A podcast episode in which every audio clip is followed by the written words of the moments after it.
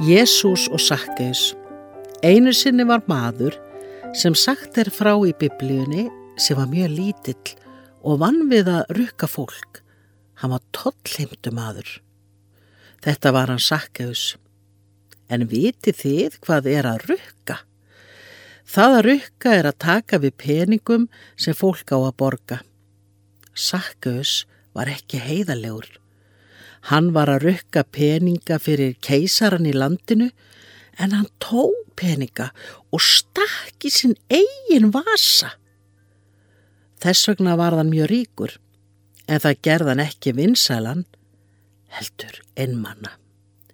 Engin vildi vera vinur hans af því hann var ekki heiðalegur. Það er til orðatiltæki sem hljóðar svona Margur verður af öyrum api. Það þýðir að menn láta græðkina stjórna sér og það gerði Sakkeus svo sannalega. Einu sinni kom Jésús til borgarinnar þar sem Sakkeus bjó. Sakkeus langaði mjög mikið til að hitta Jésú en hann var ekki sá eini Því þegar hann fór til að taka móti Jésu var komið fullt af öðru fólki og Sakkeus hann sá ekki neitt. Vitið af hver hann sá ekki neitt? Jú, hann var bara svo lítill. En stundum er sagt, margur er knár þóttan sér smár. Og vitið hvað það þýðir?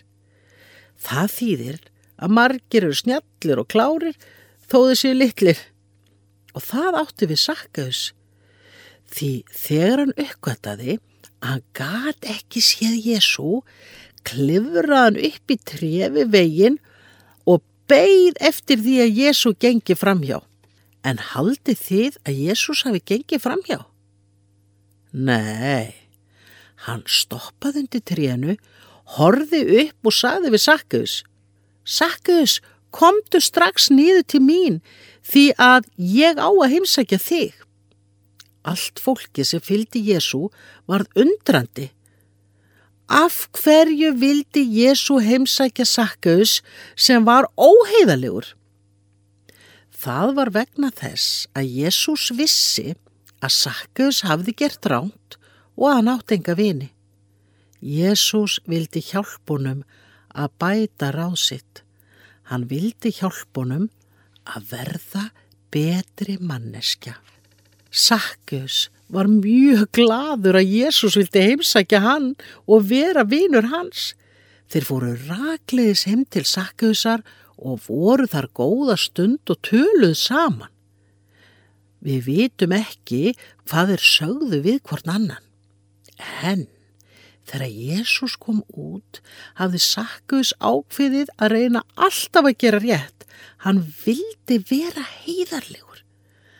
Hann sagði að hann ætlaði að gefa öllum sem hann stál frá fjóru sinu meira en hann hefði tekið frá þeim. Og ekki nóg með það heldur hafði hann ákveðið að gefa fátækum helmingin af öllu sem hann átti. Hann vildi svo sannarlega bæta á sitt. Haldið ekki að Jésús hafi orðið gladur. Jú, Þannig var það með marga sem hittu Jésu og töluð við hann að þau vildu gera allt til að verða betri manneskjur. Og Jésu sagði, ég er nefnilega komið til að finna þau sem eru tínt og bjarga þeim.